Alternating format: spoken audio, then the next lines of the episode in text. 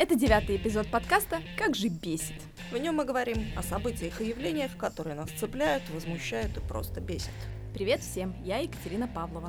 Здравствуйте, я Олеся Лагашина, и меня бесят расплодившиеся мошенники. Меня они тоже очень-очень бесят, прям вот выводят из себя.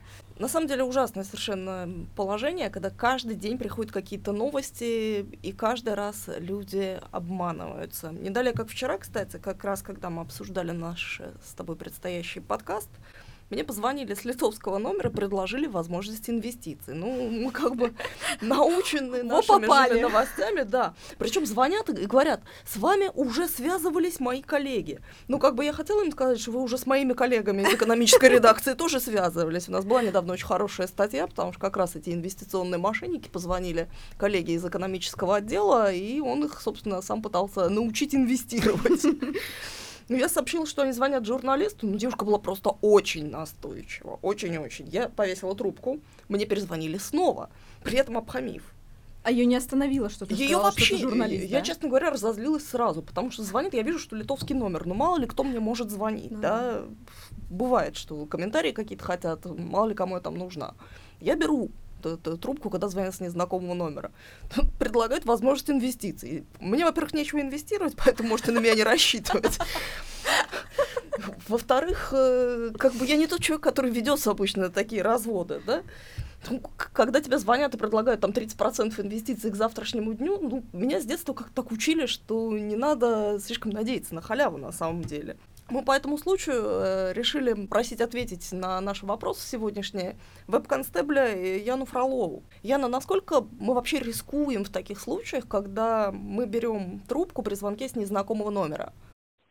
А, ну, здесь сложно сказать, незнакомого номера. Это если у вас, например, ребенок потерял телефон или села батарейка, он попросил у друга да, э, телефон, чтобы позвониться до мамы. Да. Здесь важно смотреть код страны, эстонский или не эстонский. Если у вас есть родственники из-за границы, то, возможно, они могли вам позвонить, например, из Англии или Германии. А, если это нет никакой разницы, это мобильный или настольный номер телефона, потому что если мы говорим о мошенниках, то они в основном используют э, а, интернет-телефонию, IP-телефонию, да, то есть э, этот телефонный номер, на который обратно вы позвонить все равно не можете. Поэтому если вы вдруг даже и э, взяли телефонный номер, у вас всегда есть возможность э, отказаться от телефонного звонка, да, прекратить телефонный разговор, а, положить трубку и э, нежелательный номер телефона заблокировать. Когда я думаю о мошенниках, то у меня возникает только одна мысль в голове. Какие же вы, блин, мрази! Бедных, особенно бедных бабулей, вот этих, да, бабушек, которые там на последние деньги просто живут, разводить по полной. Каким нужно быть бессердечным, чтобы так поступать вообще с людьми? Все эти звонящие, они еще такие наглые и такие грубые. Я как-то пришла к своей подруге в гости, и она открывает дверь, и просто вот он, у нее ужас в глазах. Я говорю, что случилось? Она говорит, сейчас звонил какой-то мужчина, э, представился инвестиционным, значит, э, брокером, или как они там себя называют, и предложил возможность инвестировать. Ну, я сказала вежливо там, нет, меня спасибо, это не интересует. А он просто, ну и пошла ты на и три буквы следующие логичные, которые мне нельзя говорить в эфире. Самое ужасное, что ты при этом перезвонить им даже не можешь. То есть ты, ты хочешь набрать и высказать ему все, что ты думаешь, а ты не можешь. Позвонить. А у меня, кстати, номер высветился. Да, но ты не можешь на него позвонить. Да, может, попробуем. Прямо сейчас, дорогие слушатели, в прямом эфире. Не, я со своего телефона больше не хочу, я его вчера заблокировала на самом деле. Да. Ну, не, на самом деле, если ты, да, этот телефон высвечивается, но ты пытаешься, когда на него перезвонить, то он, типа, этот э, телефон не обслуживается, или он как будто бы занят все время. Яна, э, скажите, пожалуйста, имеет ли смысл сообщать о таких номерах в полицию, вот если уже понятно, что речь идет о мошенниках? Конечно же, о любых случаях мошенничества, не только о телефонных звонках, но, может быть, электронных письмах, которые приходят э, к вам на почту, всегда нужно сообщать. Э, чем это полезно или почему это правильно? Потому что э, если мы видим, что уже идет какая-то волна мошеннических схем, э, через социальные сети, через электронные сообщения или звонки, мы всегда можем оперативно а, оповестить интернет-пользователей и жителей нашей страны о том, что будьте осторожны, будьте предельно внимательны, опять же, не распространяйте свои данные, И, и э, таким э, способом мы можем предотвратить э, возможные правонарушения. Так, я, пожалуй, все-таки тогда произнесу этот номер в эфир на всякий случай, чтобы вы знали. Звонили мне вчера из Каунуса, то есть это код Литвы плюс 370. И это номер 37 24 79 45. Не отвечайте, это инвестиционные мошенники, вам совершенно незачем тратить на них свое время. Проблема в том, что, наверное, сегодня они уже поменяли свой а, э, телефонный ну, номер. Я думаю, что это... у них много таких номеров в ходу, но на всякий случай, если звонят не, не, не пойми кто из Литвы, подумайте, есть ли у вас кто-то в Литве, если вы не публичное лицо, вам совершенно не обязательно отвечать. Иногда даже звонят с эстонского номера, но на самом деле э, они не звонят с эстонского номера, это просто как эм, специальные приложения, которые создают вот эту иллюзию телефона. На самом деле статистика очень удручающая. Да? В конце прошлого года мы писали, что за год Департамент полиции и погранохраны имел дело со 100 и даже более случаями инвестиционного мошенничества. Это только инвестиционное мошенничество. Причем суммарный ущерб от этого мошенничества составляет почти 2 миллиона евро. Это гигантская на самом деле сумма. Я вообще очень удивилась, обнаружив, что у людей на руках такие суммы есть, денег, чтобы их э, выкладывать. Причем большая часть жертв живет в Таллине, а средний ущерб от преступлений, знаешь, сколько составляет? 11 тысяч евро блин, люди, где вы берете такие деньги? Ну, то есть, если бы у меня было 11 тысяч евро, я бы ни за что в жизни, просто я, я бы даже другу в долг не дала. Недобрая ты, Катя.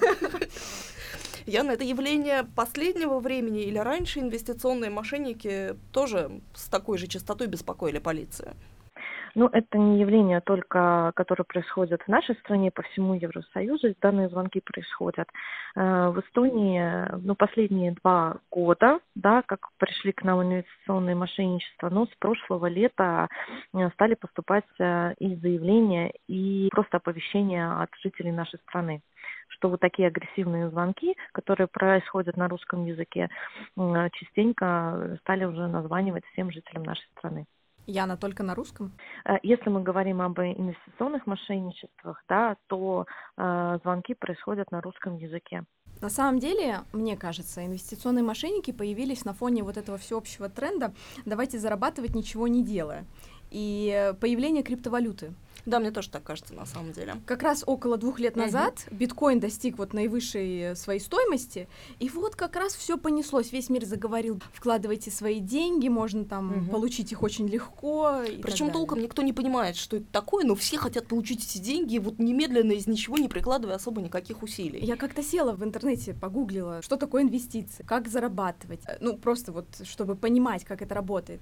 И все статьи были настолько поверхностные, то есть э, они вроде как объясняли, но когда ты открываешь какую-нибудь инвестиционную платформу, то ты просто теряешься, потому что там столько разных кнопок, столько разных каких-то терминологий. Хочется очень Ну, честно, я человек с высшим образованием, который вроде бы экономических статей за свою жизнь перевел достаточно много. Я боюсь в это соваться без надежного консультанта. Так вот, они же на этом, эти мошенники, и как раз-таки играют, что мы тебе все объясним, мы за тебя все сделаем, только вложи деньги. Слушай, ну доверять не пойми кому, вот мне в голову никогда бы не пришло. Я не знаю, в каком состоянии помрачения рассудка должна быть, чтобы я на это повелась. Я еще понимаю, когда пожилые люди ведутся на развод. Ну, там не сильно удивляешься, когда читаешь, что 68-летняя жительница Разику по телефону предложили инвестировать деньги. Женщина загрузила на свой компьютер программу там TeamViewer, э, естественно, все ее данные сразу же стали доступны совершенно постороннему пользователю. Ну, человек не представляет, что такое TeamViewer, да, очевидно. Открыла мошенникам фактически доступ к своему банковскому счету. Ну, нормально, чего? Да, ключи от квартиры еще выдай от автомобиля, если он у тебя есть. Мошенники в итоге оформили на ее имя кредит, там она потеряла 4000 евро, чуть больше на самом деле. Я понимаю, пожилые люди не настолько искушенные, чтобы во всем этом пользовании интернетом и во всех этих опасностях разбираться. Но ведь и молодые попадаются тоже. Да. Совсем недавно у нас была новость, да, 35-летняя жительница Ластнами отдала несколько тысяч евро мошенникам, которые навязали ей возможность инвестиций по телефону. 35 лет. Ну, то есть человек в самом расцвете сил, да, расцвете интеллекта, не старушка, не ребенок. Человек в зрелом возрасте настолько ничего не соображает, что устанавливает на свой компьютер программу, которая дает отдает все данные под контроль постороннего человека. Как? Я тоже абсолютно не понимаю этого. Как вообще такое возможно? Люди же все-таки, ну, разумные существа. Вот, э, Яна, скажите, мы настолько неграмотны в плане защиты данных, э, или мы просто хотим халявы? Э, я бы, я бы не сказала, что неграмотны. Во-первых, э, давайте разделим такую ситуацию, что вот более старшее поколение, оно не обучалось интернет-культуре, да, интернет-этикету, потому что в их времена не было компьютерных классов, не было гаджетов, да, всевозможных современных. И э, только когда они уже в более зрелом возрасте, 40-50 плюс, да, узнали о том, что есть у нас компьютеры, есть интернет, что можно, не знаю, оплачивать счета через интернет и так далее. И люди идут в ногу со временем, да, люди пытаются научиться. Новые технологии тоже э, используют и в работе, и в простом домашнем общении. То есть люди начинают осваивать некоторые в 50 лет, некоторые в 6 лет. Поэтому здесь вот разница идет о том, что почему люди доверились, потому что раньше они никогда не сталкивались с киберпространством, да, и с мошенничествами. Мошенники, а, они хорошо используют психологию, потому что первоначально, да, в звонке а в основном они говорят о том, что мы слышали, что используются на данный момент мошеннические схемы, но мы не мошенническая фирма, нам можно доверять. Якобы мы на фонде или на этом биржевом рынке существуем очень много лет. Поэтому вот э, огромная роль в работе полиции это оповещение. Э, также мы обязательно рекомендуем, да, что нужно делать, если вам поступил э, телефонный звонок от незнакомого человека или фирмы. Первым делом, да, вы можете спокойно записать данные фирмы, данные человека, данные телефонного номера. Всегда информацию, что нужно делать, погуглить. Если не получается самостоятельно это сделать, обязательно обратитесь за помощью в полицию. Например, можете написать веб-констеблю. А, второй момент. Если мы погуглили, да, то мы видим, что наверняка уже на форумах или полиция предупреждала о том, что будьте внимательны, будьте осторожны. Вот сейчас атакуют именно инвестиционные мошеннические, мошенники, которые действуют по телефону. Звонят с разных номеров, а, одни номера исчезают, появляются другие, поэтому конкретно номера нет смысла ну, приводить. Вот мы обсуждаем, что старики становятся жертвами, а у меня есть реальный конкретный пример, когда мой знакомый около 25 лет тоже попался на эту удочку. Взял... Было кредит. что инвестировать? У него была тысяча в загашнике, и он э, как раз в этот момент ему позвонили вот эти мошенники, они убедили его, что это выгодно, что, они, что это правда и так далее. Он вложил эту тысячу, они ему дали вот время как раз-таки поиграться с этими акциями, типа акциями, и он как будто бы выиграл. И они uh-huh. ему позволили вот снять вот свою первую там заработанную тысячу дополнительно. Да, то есть посадили на крючок. Да, да, они посадили на крючок, они заставили его верить. И после этого этот человек пошел и взял 15 тысяч евро в банке кредита. И отдал мошеннику. И отдал, вложил в инвестиционную платформу, типа заработает. А потом ловушка захлопнулась, и он остался без денег. Как все-таки люди любят халяву. Вот, вот понимаешь, оказалось бы, этот человек с детства, там, ну, 25 лет, кому он, э, это значит, Интернетом что... умеет пользоваться. Все равно человек попался, вот как, насколько хорошие психологи там работают, что они могут убедить даже здравомыслящего взрослого человека это сделать. Проще не начинать разговор. На самом деле банки говорят, что даже когда они пытаются убедить клиента, что речь идет о мошеннической схеме, об инвестиционных мошенниках, бывает так, что люди, зная об этом, получив предупреждение от банка, продолжают делать переводы этим мошенникам. Ну, вот у жителя Раплома, да, недавно был случай, выманили полмиллиона евро. С одной стороны, порадоваться за жителя Раплома, у которого были такие деньги, были. Ну, у человека хватило ума заработать полмиллиона, но не хватило ума их уберечь. Хорошо, есть у тебя деньги, хочешь ты их приумножить. Ну, воспользуйся этой услугой проверенных финансовых учреждений. Кстати, полный список финансовых учреждений, которые легально предлагают инвестиционные услуги, находится на сайте финансовой инспекции. Сегодня утром, кстати, полиция сообщила об очередном случае. 63-летняя жительница Ластами согласилась на предложение инвестировать деньги через интернет-платформу и лишилась почти 42 тысяч евро. Жительница Ласнами, 63 года, 42 тысячи евро. Хорошо живут жительницы района Ласнами. Эти старики, вот они копят, копят, они во всем себе отказывают. Банкам они не доверяют, они все в чулок складывают. Но тут звонит какой-то с горы, понимаешь, и, предлагает от, отдать ему деньги, и они отдают. Чудовищно, на самом деле. Абсолютно непонятно, откуда такое недоверие к банкам с одной стороны и доверие к ним действительно не пойми кому. Может быть, у нас репутация банков уже настолько подорвана, что доверия к нему людей вообще нет. И, может быть, отчасти успех расплодившихся инвестиционных мошенников — это следствие каких-то громких банковских разоблачений. Мне не кажется, что это связано на самом деле. По моим ощущениям, треть людей, они, особенно молодежь, они вообще не читают новости. То есть, э, ну или читают, но не постоянно. То есть там, знаешь, может раз в неделю, может раз в месяц заходят. И тот же мой друг, о котором я рассказала, вот он вообще не читает новости, абсолютно никакие. И то есть все, что он узнает о мире, это вот там со слов друзей, знакомых, и, и все как бы. То есть э, мне кажется, что люди даже понятия не имеют о каких-то там скандалах, которые происходили у нас в банках, э, какие-то там скандалы с отмыванием денег, для них ну, это слушай, вообще пустой звук. Про интернет-мошенничество они все-таки должны были знать, да, потому что, окей, если даже вы не читаете новости в интернете на порталах, кто-то слушает радио, да, аудитория у радио 4 достаточно велика, кто-то слушает другие радио, кто-то смотрит там актуальную камеру. Ну, много источников информации. В Фейсбуке это человек, который потерял полмиллиона на инвестиционных мошенниках.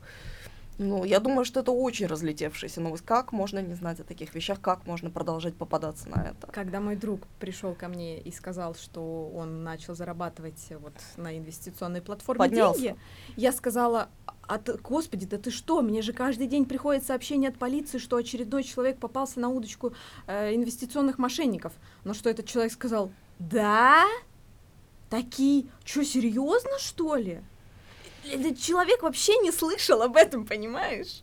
Ну, значит, надо еще 555 раз об этом рассказать, чтобы люди наконец услышали. На самом деле это уже целая индустрия, да, мошенничества. Есть мошенничество первой ступени, когда людям предлагают инвестировать, и есть те, кто занимается уже вторичным мошенничеством. В нескольких случаях жертвы ведь лишались своих денег повторно. Помнишь, э, говорилось о том, что были случаи, когда пострадавшие от инвестиционного мошенничества увидели в Facebook э, рекламу фирмы, которая предлагала помощь в возвращении денег. Mm-hmm. Ну, э, это вообще вот классика развода. Мошенники действовали от, э, от имени фирмы «Щит и меч», кажется, она, она называлась. И по их словам, они помогали жертвам э, вернуть то, что у них украли. Причем пострадавшие, увидев эту рекламу в Фейсбуке, да, они же, наверное, в Фейсбуке рассказали, то есть Фейсбук подсунул им контекстную рекламу. Да. И пострадавшие сами обратились в эту фирму, которая, естественно, их тоже наколола. Говорят, молния не бьет дважды в одно место, но это, походу, не про людей. Uh, просто, ну, я вот здесь понимаю, почему люди могли попасться, потому что, ну, представь, там, ты попалась на удочку мошенников, и ты такая, блин, я лишилась, там, не знаю, там, ну, тысячи, ну, двадцати тысяч, ну, как бы, неважно какой суммы, все равно больно, неприятно, обидно, у тебя в голове, боже, где же я возьму эти деньги, что же мне делать? То есть человек, вот просто он сейчас в этот момент, ну, наиболее уязвим, Поэтому... Да, но если я на обожглась на молоке, я на, на воду дважды подую. Понимаешь, если я вижу незнакомую компанию, не пойми, кого тут рекламирует мне Facebook, я пойду и прогуглю действительно, что же это за фирма такая, что про нее пишут. Mm. Но люди и этого не делают. Я вообще на самом деле думаю, что в следующий раз, когда будут звонить э, опять очередные мошенники, нужно у них самой что-нибудь попросить, там, денег на что-нибудь попросить, предложить инвестировать в независимую журналистику. Думаешь, дадут? Ты знаешь, как э, в анекдоте о свидетелях Иеговы, которые позвонили в квартиру пьяного преподавателя философии и через несколько минут приняли ислам, буддизм, марксизм и все остальное прямо у дверей. Я вот считаю, что просто, на самом деле, не нужно входить с ними в какую-то дискуссию или продолжать разговор, нужно сразу класть трубку, номер в черный список и сразу сообщение настрочить в полицию, что вот с такого-то номера мне звонят инвестиционные мошенники. Все, проблема будет решена. В декабре, на самом деле, была еще одна тема. Веб-констеблем поступило огромное количество жалоб от людей, которые получали письма на русском языке о том, что их электронные адреса взломаны. И авторы таких писем сообщали, что они якобы владеют компрометирующей адресата информацией, и если люди хотят предотвратить утечку своих личных данных, необходимо перевести там какую-то сумму, обычно 500 долларов называлось, да, на личный биткоин-кошелек мошенника. Как человеку реагировать в такой ситуации? На самом деле такой же развод, да, как с этими авариями. Ваш сын совершил аварию, у меня нет никакого сына, у меня дочка, да. Ну, типа того. Ну, в общем, да, лучшая гарантия не иметь никакого компромата на себя, не совершать ничего противозаконного и не бояться. И обращаться в полицию, потому что схем до ужаса много. Люди слишком доверчивы, и почему-то их первая мысль — это вот написать в Facebook, а не обратиться в полицию. Вспомни, как бабушкам звонили, типа их э, внуки, дети умирающим голосом говорили, а, я при смерти, там мне нужны деньги на лечение или еще что-то. Моей бабушке, кстати, однажды так тоже позвонил какой-то чувак, представился внуком, а в этот момент мой брат, то есть ее внук сидел прямо напротив нее, там пельмени ел. Надеюсь, они оба угорали. Ну да. А, Яна, скажите, пожалуйста, кто чаще попадается на удочку? Есть какие-то какая-то закономерность, там больше молодые или старые, там русские или эстонцы? Любой человек может стать жертвой подобного э, любого преступления, да. Но если мы говорим о конкретно, э, например, э, преступлении, когда у нас только же был случай, когда возле рынка пожилого человека поджидают незнакомые женщины и подходят к пожилому человеку и начинают вступать в диалог, говорить, вот у вас болит коленка, погода такая, вот с сердцем плохо. И, конечно, если пожилой человек одинокий, родственники у него за границу уехали, общаются они редко, но он хочет пообщаться, это, это понятно, это естественно. И завязывается разговор. И э, в разговоре, да, вот мошенники, они могут вывести там э, пожилого человека на то, что а давайте мы пойдем водичкой осветим ваши деньги, чтобы у вас была удача пожилой человек э, впускает в свою квартиру, показывает, где у него лежат деньги. Пока там одна женщина освещает эти деньги, чтобы было счастье в доме и здоровье, э, вторая отвлекает внимание пожилого человека. Э, когда пожилой человек уже выпроводит незваных гостей, то он обнаруживает, что вместо настоящих денег да, ему подложили какие-нибудь там игрушечные деньги. Да. А, вот такие мошеннические схемы могут быть направлены на доверчивость именно пожилого поколения. А, с детьми, с детьми у нас больше всего проблем. Это они очень добрые детки, очень открытые, они активно используют интернет. Но не всегда родители успевают или знают, понимают о том, что и об интернет-безопасности нужно говорить постоянно так как родители учат дорожному правилам дорожного движения своих детей, также нужно учить правилам интернет-безопасности. Большая проблема в том, что детки делятся интимными фотографиями своими с друзьями, с, там, с первой любовью. А, также большая проблема, когда детки начинают делать прямые трансляции или какие-то делают фотографии, а сразу же их опубликовывают. А жертвой может стать любой, как мужчина, так и женщина. Но если мы говорим, например, о любовных мошеннических схемах, то в основном э, о попытке обмана женщины сообщают чаще, мужчины сообщают реже. И э, если даже мужчина стал э, жертвой любовной аферы, то, к сожалению, э, не обращается с письменным заявлением в полицию. Поэтому мы при, призываем, да, и, и мужчин не стесняться, не бояться, обращаться с заявлением в полицию. Ни в коем случае нельзя высмеивать за это человека. Нужно поддержать человека и помочь в трудной ситуации.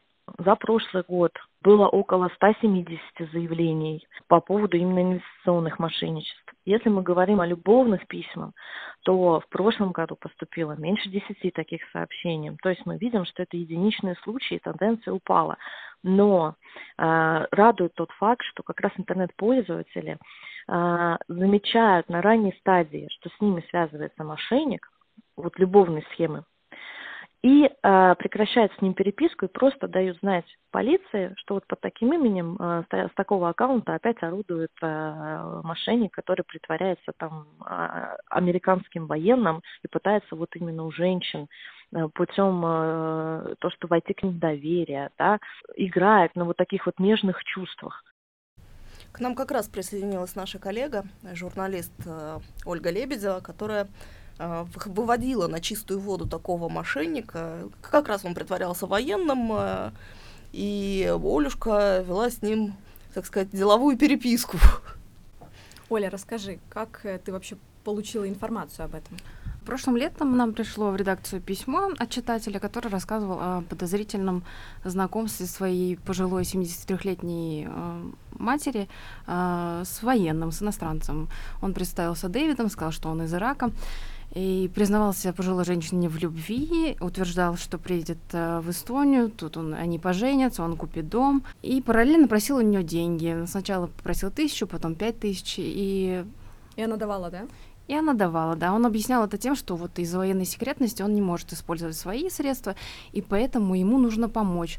Ну а мы же все добрые, что не сделаешь для родного человека, естественно, тем ну, более. Какой тем... родной вообще? Помнится, у него он еще был вдовец, да, у него там жена умерла. Он был вдовец, у него был, да, сын жена умерла от рака, то есть там очень такая трагическая история. Он щедро одаривал ее комплиментами, не скупился и поддерживал связь на, на протяжении всего дня, то есть она и утром получала какие-то теплые э, сообщения, и вечером. Какие-то такая у них приятная переписка завязалась. И получается, да, что э, вроде бы развод очевиден, но с другой стороны, ты проникаешься симпатией к этому человеку, доверием, и ты уже веришь ему больше, чем к своим кровным родственникам. Но а... классно же, родственники тебе не пишут с утра, что они тебя любят, а так ты встала, а у тебя в мессенджере сообщение да. теплое, классно, а тебе с утра заботятся, вечером заботятся, днем чего-то пишут. Не зря говорят, что любовь это цветок, который все время нужно подпитывать. И мошенничество, видимо, тоже. В общем, да, она поверила, влюбилась, э, настроила какие-то сумасшедшие планы. И даже когда ее сын э, нашел этого Дэвида в э, списке женихов-аферистов, она ему не поверила, сказала, нет, мой, мой честный. И мы тогда стали думать, что бы такое сделать, чтобы помочь этой семье, чтобы деньги больше не утекали из нее. И решили, что самым действенным будет мне самой вступить в переписку с этим Дэвидом, телефонные имена, контакты, все у нас это было, это все легко пробивается через интернет. И, о чудо, я вбиваю в WhatsApp его, э, его номер, и он тут же выходит со мной на связь. Очень занят в горячей точке. Очень. Всегда есть интернет. И мы с ним вступаем в переписку. По леге... А как ты начала вот эту переписку вообще? У нас была легенда, я прикинула, что мы с ним когда-то уже переписывались, но вдруг потерялись, вот судьба злодейка нас разлучила, и это так несправедливо. И он сначала осторожничал, так пытался узнать, э, ну, что вот я честный человек, но я тебя не помню, что кто ты, да что ты. Я говорю, ну как ты меня не помнишь, мы же с тобой вот переписывались. Начинаю какие-то факты ему выдавать из своей якобы в жизни. А, и он так аккуратненько начинает выпрашивать, э, чем я зарабатываю на жизнь, есть ли у меня дети. Тут я ему вываливаю историю про то, что у меня вообще-то бизнес свой маленький, но свой бизнес, э, что я владельца кафе в Таллине. Ну как же ты не помнишь? Я же тебе помнишь, описывала пирожки, тортики, все, все, что, все, что мы любим. И он такой, боже мой, точно, точно, это же ты. Какое счастье, что мы не потеряли друг друга. Вот, да. И это буквально занимает час, вот это наше чудесное воссоединение. И рабочий день заканчивается, я все продолжаю с ним переписываться, и, и он так радуется, что что он меня нашел, и я его нашла, и, и все хорошо, и теперь-то он знает, вот он нашел эту женщину, с, с которой сможет связать свою судьбу. Наконец-то его поняли. Да. Ты одна единственная. Я, да, единственная неповторимая. Дальше этот цирк продолжается, наверное, на протяжении недели, и это все то же самое. Вот это бесконечные комплименты, бесконечное внимание утром, днем, вечером, в любое время. Он мне напишет, я ему напишу. Это всегда вот эта вот ответная реакция есть. И, наверное, если... Вы еще фотографиями обменивались же? Мы обменивались фотографиями, они совпали с теми фотографиями, которые были у вот этой пострадавшей, потерпевшей. А с ней он даже выходил на видеосвязь. То есть там, конечно, была обработка более серьезная. И мы, конечно, очень боялись, что эта пенсионерка продолжит отдавать ему деньги. И, и решили, что не будем затягивать, а, ну так, поступим немножко жестоко, за, вот за женские чувства просто задеть, что вот смотри, это одно и то же лицо, это один и тот же человек, он с тобой нечестен, это, это аферист, это, это, с ним у тебя ничего не сложится. И да, и я быстро написала статью, а, где очень подробно все описала, как вот наша переписка с ним складывалась. Повлияло? И... Помогло? Нет. То есть бабушка не поверила? Итог, да, печальный. Но в этом конкретном случае нет. Но мы потом получили письмо, где другая потенциальная потерпевшая писала нам о том, что этот человек обращался и к ней. Спасибо, что предупредили. Я как раз думала, не ввязаться ли мне в отношения с ним. Поэтому ну, хотя бы одну жертву мы уберегли. Да, то есть э, отзывов было много, и не только вот про Дэвида, про других, да, мошенников. Ну, такая классика развода, на самом деле. Да, да. Пенсионерка так и, в общем, продолжила обманываться. И сын не прав, и я не права, и все у них будет хорошо, и он обязательно приедет. Ну, в общем, да. Ну пусть у них все будет хорошо. С другой стороны, ну как бы, да, это плохо, но по сути э, мы все платим, наверное, за какие-то услуги, и может быть эта бабушка просто подсознательно, она понимает все, но она готова платить за вот эти прекрасные эмоции и чувства, которые Дэвид ей дарит. Ну, видишь, она залезла в долги. Расплачиваться будет ее сын, да. который не получает позитивных эмоций. Грустно, что мы можем сколько угодно писать статей на тему мошенничества, какие схемы существуют, какими пользуются схемами мошенники, но почему-то все равно люди продолжают верить и становятся жертвами. И на самом деле лучше, что мы можем сделать, это предупреждать людей дальше и сделать, не знаю, что ли, посоветовать людям передавать друг другу это, то есть э, звонить всем своим родственникам, друзьям, рассказывать, вот я прочел такую статью, э, смотри, вот такие мошенники, не дай бог, не попадись там. В общем, читайте люди новости, будьте в курсе, заботьтесь о своих близких, имейте на готове типовую какую-то формулировку отказа, когда к вам настойчиво пристают э, с предложениями куда-то что-то инвестировать. Не верьте незнакомцам и никогда не соглашайтесь сразу. Спасибо, что слушали нас. Подписывайтесь и пишите на венособачкапостимес.е или оставляйте комментарии, что бесит вас. Будем беситься вместе.